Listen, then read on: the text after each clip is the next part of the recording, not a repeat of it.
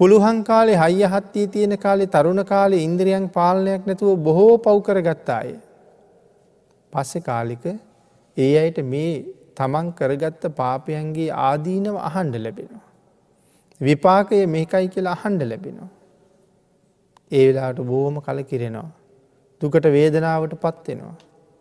මේකෙන් බේරෙන්ඩ මහනවෙන්ඩ හරි හිතෙනවා. ඒකයි සඳහන් කළේ යමෙක් මේ තුවාල හොඳ කරගණ්ඩ යම් දවසක කල්පනා කලා නං එය පැවිදියෙනවා කියලා. එහෙම පැවිදි වුණත් හැබැයි සත්පුරුෂ වූ ආචාරිවරු හම්බ වෙන්ඩෝනෑ.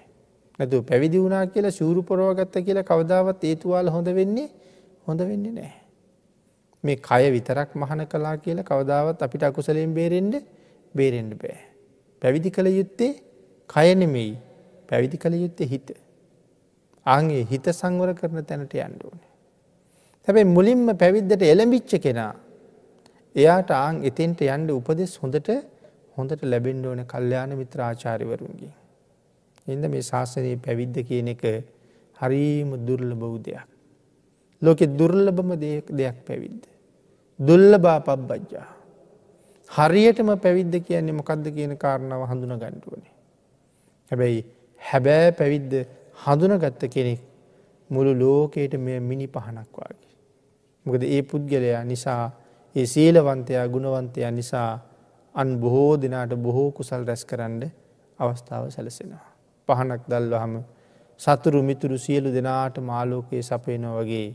බොහෝම සිල්වත් ගුණවත් අය මුළු ලෝකයටම යහපතක් කරන අය. හැබැයි ඒ අය එතෙන්ට ගෙනියන්ට හොඳ කල්්‍යයාන මිත්‍රයෝම අවශ්‍යයි. ආං ඒකයි අපේ බුදුරජාණන් වහන්සේ එක වෙලාවක ආනන්ද ස්වාමීන් වහන්සේට දේශනා කළේ අනන්ද ස්වාමීන් වහසයක් සතහන් කලානි ස්වාමීණී මේ ශාසනයෙන් හරි අඩක් කල්්‍යයාන මිත්‍රයන් මතම පවතිනව නේද කියලා. බුදුරජාණන් වහස දේශනා කළේ නෑ ආනන්ද අඩක් නෙමෙයි මුළු ශාසනීම පවතින්නේ කල්්‍යයාන මිත්‍රයන් ගැති කියලා. එකට පුංචි උදාහරණයක් මෙහෙම සඳහන් කළුත් බොහෝ දෙනෙකුට යහපතක් වෙන්ඩ. අපි කියම ඉස්සරලාම කෙනෙක් අපි ශාසනයට ඇතුල් කරනවා. පැවිදි කරගන්නවා ශාසනී. දරුවෙක් වේවා වැඩිහිටියෙක් වේවා. ඒ පැවිදි කරනකොට පැවිදි වෙන කෙනාට හරියටම තිසරණය ලැබෙන්ඩ ඕනේ. ඒ පැවිද්ද සම්පූර්ණ වෙන්න හරියටම හරියටම තිසරණය ලැබෙන්ඩ ඕනේ. ඒ කාරණාව විශේෂයි ආං ඒක හින්ද තමයි පින්නතුන පොඩි ස්වාමීන් වහන්සේ නමක් නැතම් පුංචි දරුවෙක් පැවිදි කරවනකොට.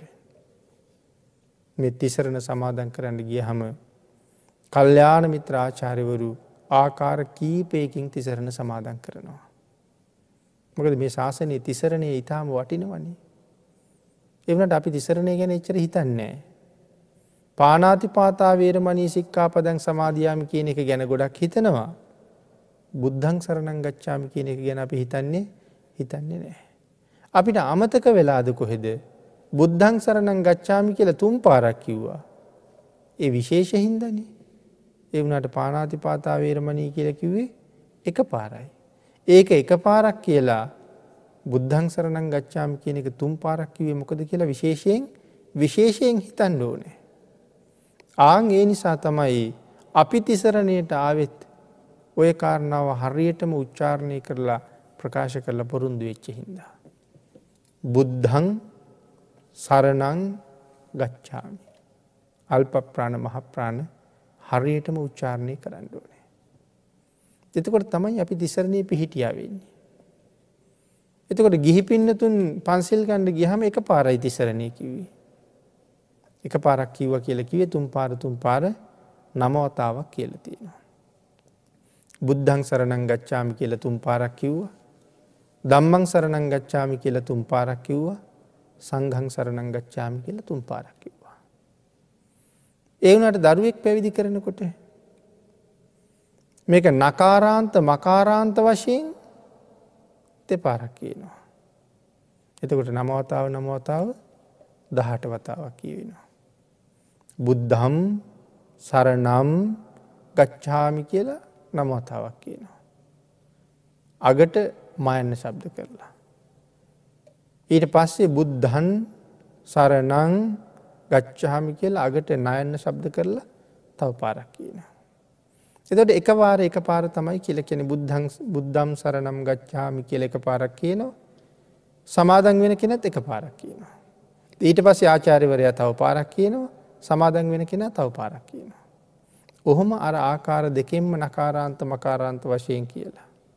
නැවත පේලියට කියනවා බුද්ධම් සරණං ගච්ඡාමි ධම්මම් සරනම් ගච්ඡාමි සංඝම් සරණං ගච්ඡාමි කියල ගුරුවරය මේ තුනම එක පාර කියනවා. ඊට වස නැවත ශිෂ්‍යයත් ඒ විදිහටම කියනවා. ආං ඒවාගේ ආකාර කීපයකින් සරණ පිහිටුවනු.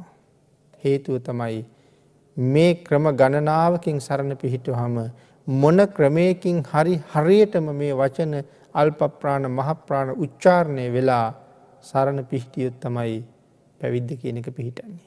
එහෙම නැත්තම් පිහිටන්නේ පිහිටන්නේ නෑ නිකං සිවුරු විතරයි පොරෝලා තියෙන්නේ. ආංගේ නිසා එක අකුරක් වැරදෙන් නැතුව වරදින තැන හොඳට අහගනිදල ආචාරිවරයා මේ සාමනේරික් බවට පත් කරන පුංචි දරුවට හරියටම සිල් සමාදන් කරවනවා. එතන ඉඳලා හැම වෙලාම විමසිල්ලෙන් ඉන්නවා.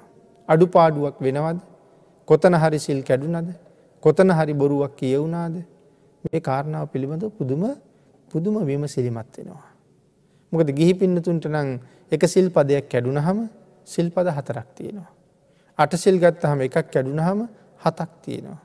ගෘහස්ත දස සීලයකුත් තියෙනවා. ඒ සීලේ සමාදන් වෙලා ඉන්න ඔබාතින් එක සිල් පදයක් කැඩුනොත් ඔබට නමයක් තියෙනවා. ඒ වුණට එහෙම නෙමෙයි පොඩි හාමුදුරුව අතින් එකක් කැඩුනොත් දහයම ඉවර වෙනවා. උන්වහසට නමයක් ඉතුරු වෙන්නේ නැ උන්වහසේ ඔක්කොම ඉවර වෙනවා.